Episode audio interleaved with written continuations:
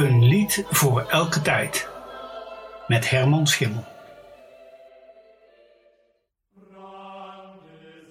Als je de Bijbel openslaat, precies in het midden, dan kom je bij de Psalmen. Een bundel van 150 gedichten, gebeden en liederen. Letterlijk een spreekgezang met snaarbegeleiding. Ik ga hier nu niet in op de verschillende vormen, zoals lofpsalm, vloekpsalm, boetepsalm, intochtpsalm. En ik ga ook niet in op het feit dat er 73 van die psalmen afkomstig zijn van David. En weer andere van Asaf, Salomo en Mozes. Nee, de aanleiding om het er vandaag over te hebben is eigenlijk dat onze minister-president en minister De Jonge suggereerden dat we in onze kerken alleen maar psalmen zingen. Dat is natuurlijk niet zo, maar veel mensen denken dat wel. En dat is ook weer niet zo gek, want laten we wel zijn, we zingen in Nederland al vele eeuwen psalmen in de kerk. Maar niet alleen in Nederland. Psalmen zijn vanaf het begin van het christendom gezongen en waaien zo uit vanuit Rome over West-Europa en andere delen van de wereld. Psalmen zijn, net als het Gregoriaans, bedoeld om eenstemmig te zingen. Dat onze huidige Geneefse psalmmelodieën van volksliedjes zouden komen is inmiddels wel achterhaald. Componisten hebben nieuwe melodieën gecomponeerd of ze hebben gebruik gemaakt van traditionele gezangen van de kerk. Zo ontstonden er bijvoorbeeld psalmmelodieën die afgeleid zijn van toen al bekende Gregoriaanse melodieën. Als voorbeeld laat ik u nu kort een Gregoriaanse paashymne horen het Victime Partiali Laudis en daarna een niet-ritmische versie van Psalm 80, gezongen door mannen uit Katwijk. Victime Laudes volem Christiani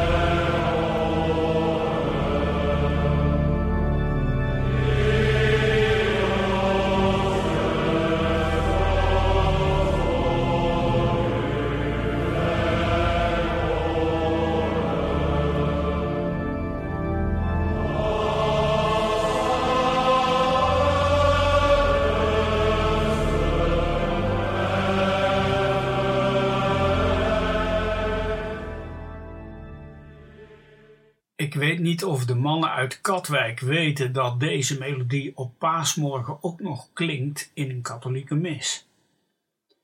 In kloosters kent men de eeuwenoude traditie van het getijdengebed. Dit kennen we al vanaf de vierde eeuw. Aanvankelijk werden dagelijks alle 150 psalmen gebeden, maar dat nam veel te veel tijd in beslag. En daarna spreidde men de hele cyclus uit over een week. Nou, Paus Gregorius vereenvoudigde de getijdengebeden in de 11e eeuw nog verder. In de loop der tijden kwam er een Franciscaanse versie, een Benedictijnse versie, een Dominicaanse versie. Net als in de protestantse kerk dus veel verschillen van opvatting. Die getijden kennen we in onze protestantse traditie niet. Dat is misschien wel jammer. Er bestaat wel een leesrooster en een psalm van de zondag. Voor morgen 5 juli is dat Psalm 65 en die klinkt op de Geneefse melodie zoals u die nu hoort. Maar in Engeland ontstond na de Reformatie de traditie om psalmen te reciteren, zoals ook in het Gregoriaans gebeurt, maar dan in de eigen landstaal. Zeg maar zoals ik u die in het begin liet horen. In de Anglikaanse traditie is in de loop der jaren die eenstemmige melodie vierstemmig gezet. Men gebruikt daarvoor verschillende zogenaamde chants. En zo kan het voorkomen dat je dus een psalm hoort zingen op een chant van Hubert Parry of van Samuel Wesley of van John Goss of nog vele anderen. Ik laat u nu luisteren naar Psalm 65 in de uitvoering van de Hereford Cathedral Choir onder leiding van Royal Massey. Oh.